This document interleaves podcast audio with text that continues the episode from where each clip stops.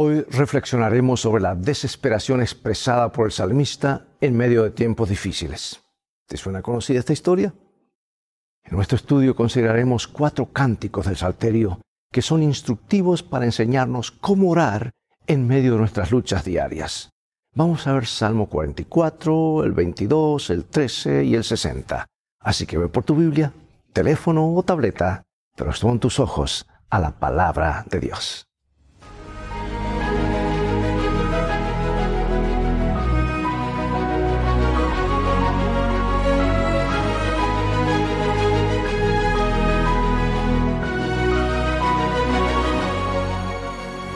Dice la palabra de Dios en San Lucas 11.1. Aconteció que estaba Jesús orando en un lugar, y cuando terminó uno de sus discípulos le dijo, Señor, enséñanos a orar, como también Juan enseñó a sus discípulos. ¿Sabes que la creencia de que únicamente la oración espontánea es real, no la oración de memoria, parece prevalecer entre algunos cristianos? Siempre decimos no hay que repetir las oraciones. Y a veces no sé qué lo decimos con el sentido de que tiene que ser razonado, hablar como un amigo. Sin embargo, los discípulos de Jesús se sintieron inmensamente recompensados cuando le pidieron que les enseñara a orar. Y Dios colocó un devocionario, salmos, en el corazón de la Biblia, no solamente para mostrarnos cómo oraba el pueblo de Dios en la antigüedad, sino también para enseñarnos cómo podemos orar hoy. Desde la antigüedad, Salmos ha dado forma a las oraciones del pueblo de Dios, incluyendo las de Jesús. Y en el tema de hoy analizaremos el papel que desempeñaron los salmos para ayudar al pueblo de Dios a transitar su vida de peregrinaje y a crecer en su relación con Dios. Debemos recordar que los salmos son oraciones y como tales tienen un valor incalculable, no solo por su información teológica, sino también por el modo en que pueden enriquecer y transformar nuestras oraciones individuales y colectivas orar los salmos ha ayudado a muchos creyentes a establecer y afianzar una vida de oración habitual y satisfactoria. Y hoy seguiremos examinando salmos, especialmente en el contexto de las ocasiones en que las cosas no nos van muy bien. Y yo quiero desafiarte. ¿Qué tal leer estos salmos de rodillas? Porque son oraciones. Vamos a ver eh, cómo podemos fomentar el uso de los salmos en la oración vamos a ver cuál es el lugar de los salmos en la experiencia, la adoración del creyente. Vamos a Salmos 105 y luego a Colosenses, luego al libro de Santiago. Acordaos de las maravillas que él ha hecho, de sus prodigios y de los juicios de su boca. La palabra de Cristo mora en abundancia en vosotros, enseñándoos y exhortándoos unos a otros en toda sabiduría, cantando con gracia en vuestros corazones al Señor, con salmos e himnos y cánticos espirituales. ¿Está alguno de vosotros afligido? Haga oración. ¿Está alguno alegre? Cante alabanzas. O sea que una manera sencilla de introducir los salmos en la vida diaria es dedicar un tiempo cada día a la lectura de un salmo, comenzando por Salmo 1 y siguiendo el orden dado en el Salterio. Bueno, otra manera de los salmos que corresponden a la situación actual sea cual fuere, pues hay salmos de lamentación, salmos de lamento comunitario, salmos de acción de gracias, himnos, salmos penitenciales, salmos sapienciales, que buscan la sabiduría y la guía de Dios. También hay salmos históricos, salmos que contienen enojo y furia y, salmos de peregrinación. Así que durante este trimestre nos ocuparemos de muchos de ellos y estudiaremos estos salmos en el contexto en el que aparecen. Ahora la pregunta es, ¿cómo debemos leer los salmos? En primer lugar, leemos el salmo haciendo una sencilla reflexión y luego oramos. Meditar el salmo implica reflexionar sobre los diversos aspectos del salmo, el modo en el que el salmista se dirige a Dios y los motivos de la oración. Piensa en cuánto se asemeja tu situación a la experiencia del salmista y cómo podría ayudarte el salmo a articular tu experiencia. Te sorprenderás Habla la frecuencia con que te sentirás identificado con lo que lees. Porque amigo, los problemas son los mismos hace 2500 años que ahora. Si algo en el Salmo te desafía, reflexiona. Por ejemplo, si el Salmo corrige tus falsas esperanzas actuales con respecto a algo de lo que te enfrentas, Contempla el mensaje del Salmo a la luz de la persona de Cristo y su obra salvífica y de la esperanza a lo largo, mm, a largo plazo que la obra de Cristo nos ofrece. Como sabemos o deberíamos saber, siempre ayuda a mirar todo lo que hay en la Biblia bajo la perspectiva de Cristo y de la cruz.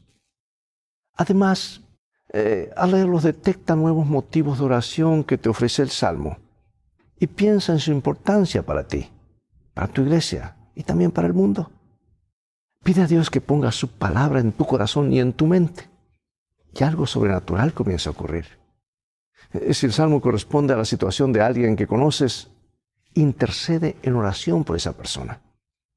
La cuestión es que los salmos abarcan muchos aspectos de la vida, yo diría todos los aspectos de la vida, y podemos enriquecernos al leer y asimilar en nuestro corazón lo que nos dicen. Por ejemplo, ¿qué significa la palabra de Cristo habite en abundancia en ustedes? Como dice Colosenses. ¿Por qué la lectura de la Biblia es el primer paso para esa experiencia? Y el más crucial, que así comienza todo, amados, es Dios hablándonos a nosotros. Y nosotros le hablamos en oración, en salmos y en cánticos. Podemos tener confianza en tiempos difíciles. Todos los cristianos entienden de momentos de desesperación, ¿verdad? De sufrimiento. Tú lo has vivido, yo lo he vivido. Momentos en los que te has preguntado qué hace el Señor o por qué el Señor permite que sucedan estas cosas. Y la típica pregunta, ¿por qué? ¿Por qué? Antes me hacía de pregunta, ahora me las pregunto diferente. Digo, ¿para qué, Señor? Porque los mismos salmistas pasaron por experiencias parecidas. Y por la inspiración divina registraron lo que les había sucedido. Por ejemplo, veamos una porción del Salmo 44. ¿Qué nos dice y por qué es relevante para los creyentes de todas las épocas? Aquí está. Por medio de ti sacudiremos a nuestros enemigos, en tu nombre hollaremos a nuestros adversarios, porque no confiaré en mi arco, ni mi espada me salvará, porque tú nos has guardado de nuestros enemigos y has avergonzado a los que nos aborrecían. En Dios nos gloriaremos todo el tiempo y para siempre alabaremos tu nombre. Cada día mi vergüenza está delante de mí. Todo esto nos ha venido y no nos hemos olvidado de ti y no hemos faltado a tu pacto. No se ha vuelto atrás nuestro corazón, ni se han apartado de tus caminos nuestros pasos, para que nos quebrantases en el lugar de chacales y nos cubrieses con sombra de muerte. Si nos hubiésemos olvidado del nombre de nuestro Dios o alzado nuestras manos al Dios ajeno, ¿no demandaría Dios esto? Porque Él conoce los secretos del corazón. Pero por causa de ti nos matan cada día. Somos contados como oveja para el matadero. Despierta, ¿por qué duermes, Señor? Despierta, no te alejes para siempre. ¿Por qué escondes tu rostro y te olvidas de nuestra aflicción y de, la opresión nuestra? Porque nuestra alma está agobiada hasta el polvo y nuestro cuerpo está postrado hasta la tierra. Levántate para ayudarnos y redímenos por causa de tu misericordia. Tremendas oraciones, lo que le ocurría a salmista en ese momento. Y la selección de los salmos en los cultos de oración de las iglesias refleja a menudo la exclusividad de los estados de ánimo y de las palabras que expresamos en nuestras oraciones comunitarias. Esta restricción puede ser una señal de nuestra incapacidad o recelo para enfrentarnos a las oscuras realidades de la vida. Aunque a veces sintamos que Dios nos trata injustamente cuando el sufrimiento nos golpea, no nos parece apropiado expresar nuestros pensamientos en el culto público o incluso en la oración privada. A veces tememos decirlo, ¿verdad? Pero en los salmos encontramos todo. Todo era expuesto lo que estaba en el corazón. ¿Sabes que esta reticencia a veces puede hacernos perder el sentido de la adoración? El hecho de no expresar honesta y abiertamente nuestros sentimientos y opiniones ante Dios en oración a menudo nos deja esclavizados en nuestras propias emociones. Yo sé que lo podemos hacer en forma individual, pero a veces en público, ¿cómo cuesta, verdad? O no quiero que se enteren de mi problema. Y esto también nos impide sentir seguridad y confianza al acercarnos a Dios. Abre tu corazón a Dios. Por eso, orar los salmos nos da la seguridad de que cuando oramos y adoramos, no se espera que censuremos o neguemos nuestra experiencia. Por eso, Salmo 44 puede ayudar a los fieles a articular libre y adecuadamente su experiencia de sufrimiento inocente. Orar los salmos ayuda a la gente a experimentar la libertad de expresión en la oración. Los salmos nos dan palabras que no encontramos ni nos atrevemos a pronunciar.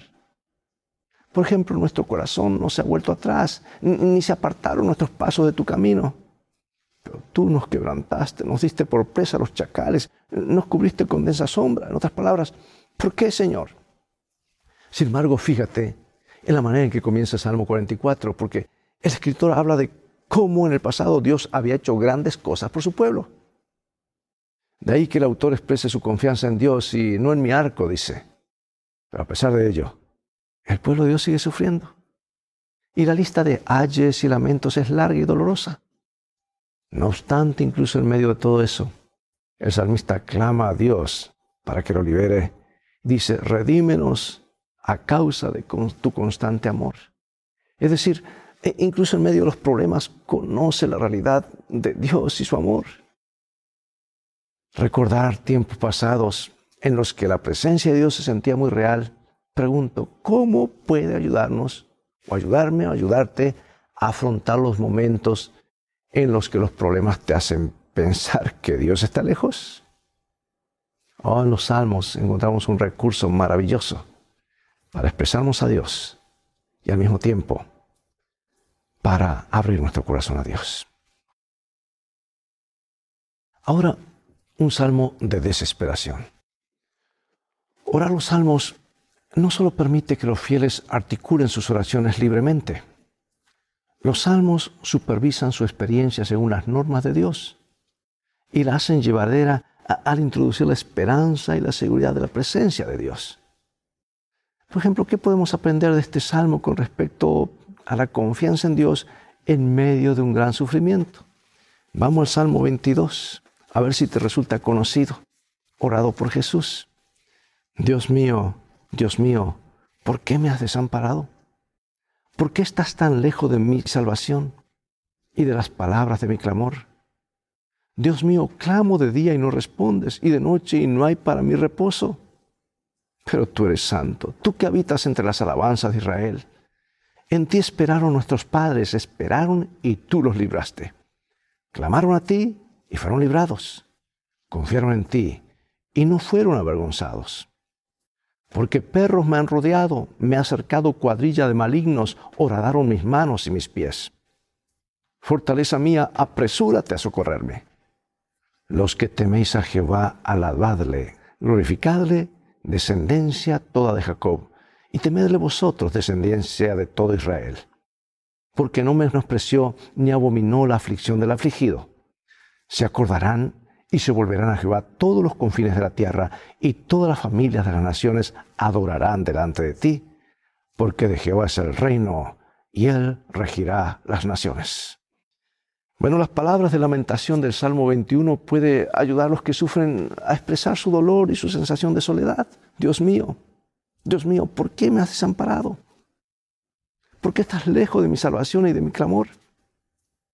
Estas palabras, por supuesto, se han hecho famosas entre los cristianos porque fueron las mismas que pronunció Jesús mientras estaba en la cruz. Lo que nos muestra la importancia, la importancia que tuvo Salmos en la experiencia de nuestro Señor Jesús. Con todo, incluso en medio del sufrimiento y las pruebas, también expresan estas palabras, anunciaré tu nombre a mis hermanos en medio de la congregación, te alabaré. En otras palabras, aunque estos sentimientos exactos no coincidan con el dilema actual del autor, el salmista seguía expresando su fe en Dios y declarando que, sin importar lo que pase, seguiría alabando a Dios. Un lindo ejemplo para nosotros, ¿verdad? Así que en resumen, al darnos palabras para orar, Salmos nos enseña a mirar más allá de nuestra situación actual y por la fe ver el momento en que nuestra vida será restaurada por la gracia de Dios. Y de este modo, la oración de los salmos lleva a los fieles a nuevos horizontes espirituales. Qué recurso maravilloso tenemos en la palabra. De paso, el libro más extenso de la Biblia.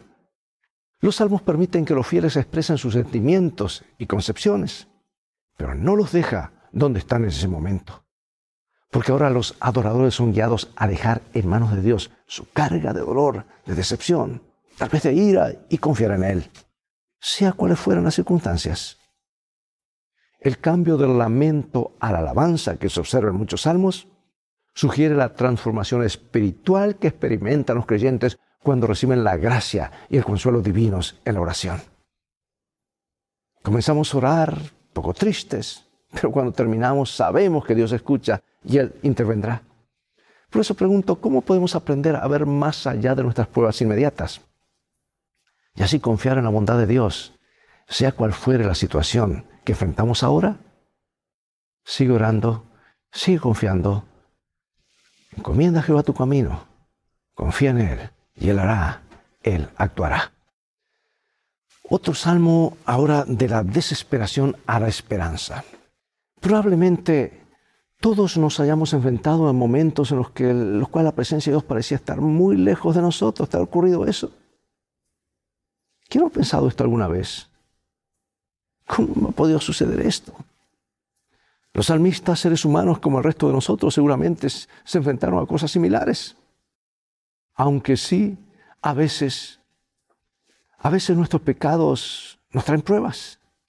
Otras veces nos parecen sumamente injustas y nos sentimos como si no mereciéramos lo que ahora se nos presenta. De nuevo, ¿quién no ha pasado por esto? Y ahora vamos al Salmo 13. ¿Qué dos estados de ánimo principales puede distinguir en este salmo? ¿Y qué decisión crees que provocó el cambio radical en la perspectiva general del salmista? Veamos, Salmo 13. ¿Hasta cuándo, Jehová, me olvidarás para siempre? ¿Hasta cuándo esconderás tu rostro de mí? ¿Hasta cuándo pondré consejos en mi alma con tristeza en mi corazón cada día? ¿Hasta cuándo será enaltecido mi enemigo sobre mí? Mira, respóndeme, oh Jehová Dios mío, alumbra mis ojos para que no duerma de muerte, para que no diga mi enemigo, lo vencí. Mis enemigos se alegrarán si yo resbalara, mas yo en tu misericordia he confiado, mi corazón se alegrará en tu salvación. Cantaré a Jehová porque me ha hecho bien. Aquí tenemos una vez más, ¿quién no puede identificarse con estos sentimientos por más que sean equivocados? ¿Puede olvidarse Dios de nosotros alguna vez? Nunca. Por eso, más allá del dolor, de las lágrimas, de las imprecaciones, mira al Dios que restaurará todas las cosas, tu alma, y te restaurará por la eternidad y restaurará este planeta. Por lo tanto, Salmo 13 señala el camino para evitar otro error común, que es centrarnos en nosotros mismos y en nuestros problemas al orar.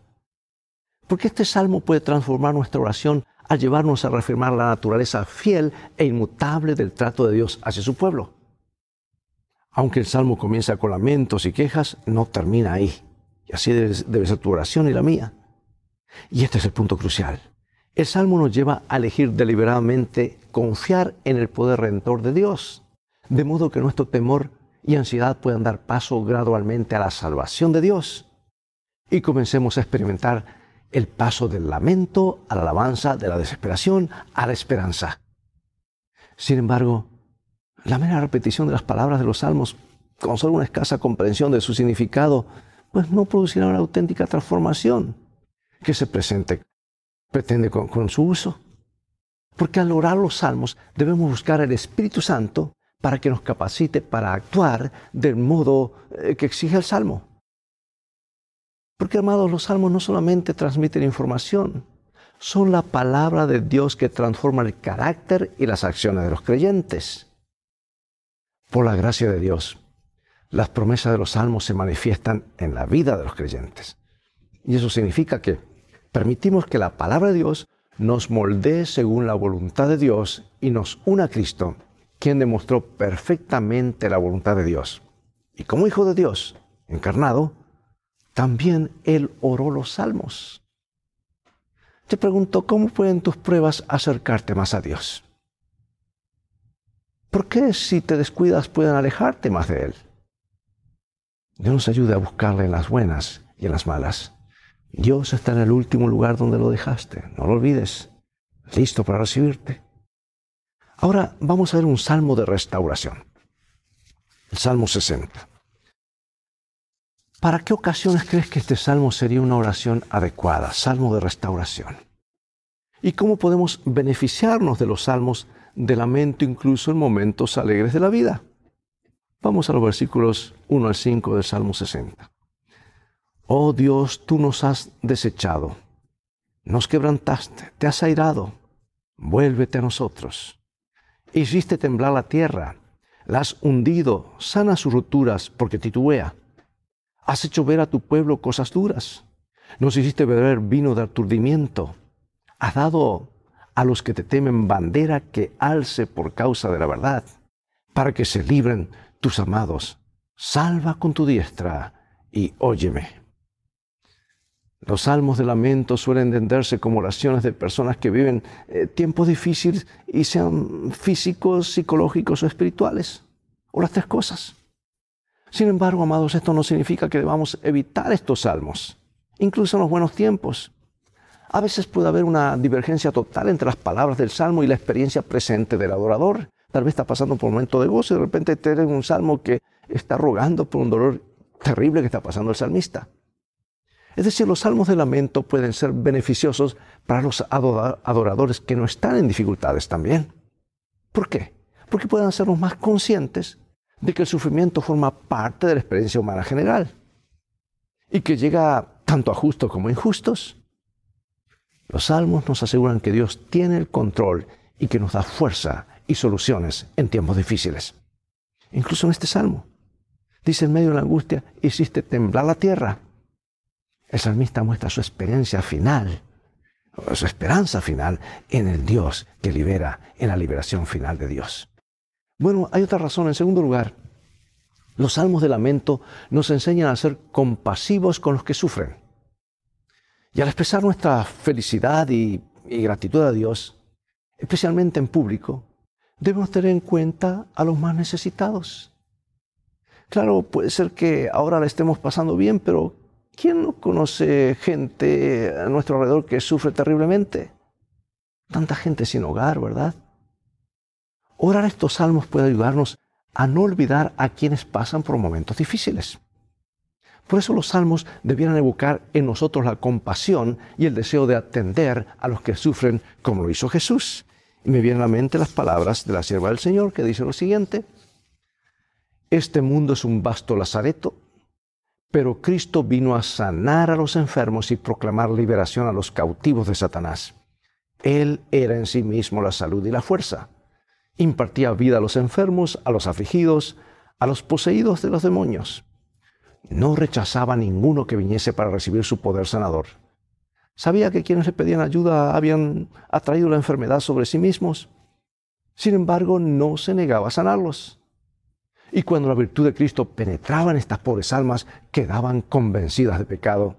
Y muchos eran sanados de su enfermedad espiritual, tanto como de sus dolencias físicas.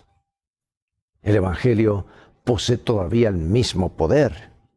¿Y por qué no habríamos de presenciar hoy los mismos resultados? Hermosa cita, ¿verdad?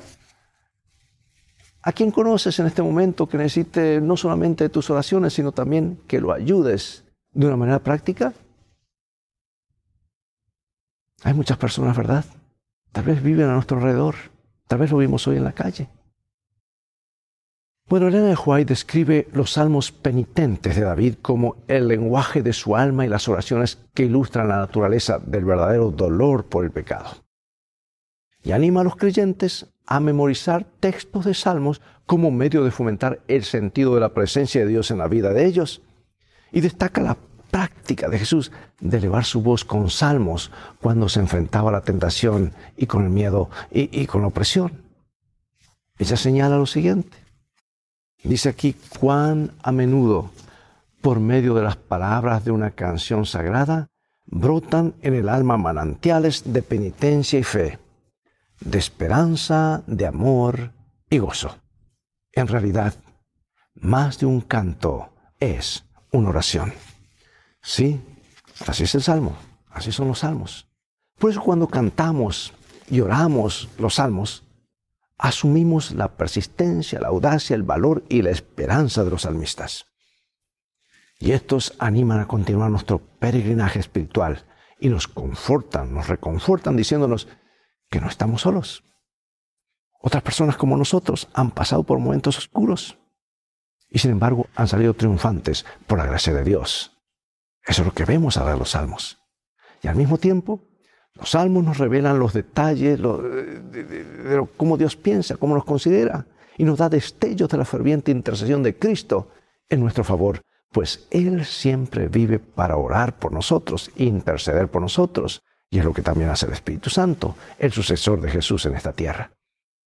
Por eso incluir los salmos en la oración y la adoración hace que la comunidad creyente sea consciente de toda la gama de la experiencia humana y enseña a los fieles a participar en las diversas facetas de esa experiencia en el culto.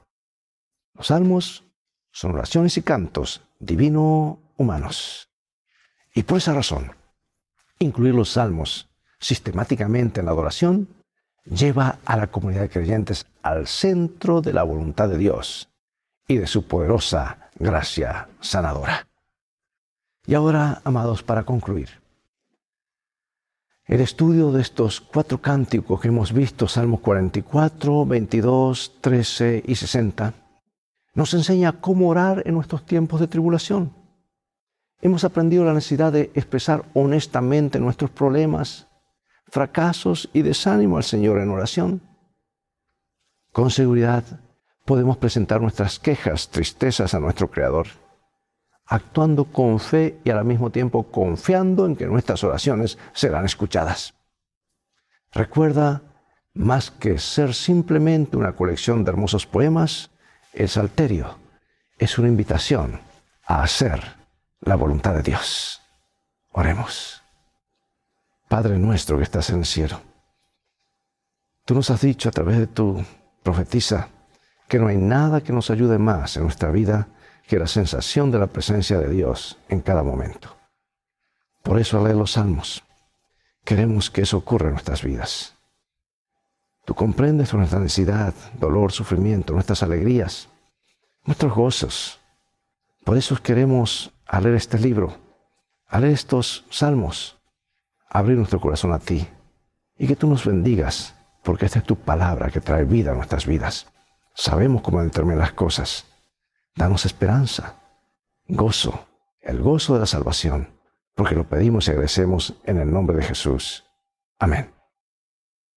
Bien amigos, es todo el tiempo que tenemos por hoy. Llegó el momento de despedirnos una vez más y hasta el próximo programa de la serie Lecciones de Vida. Invita a otros a sintonizar este canal y transfórmate tú mismo en un canal de bendiciones. Mientras tanto, Dios te bendiga y te guarde y recuerda, tú vales mucho para Jesús. Él te ama más de lo que puedes imaginar. Y en este viaje en el cual vamos todos, las cosas van a terminar bien si hacemos de la Biblia nuestro GPS y a Jesús como nuestro guía. Maranata.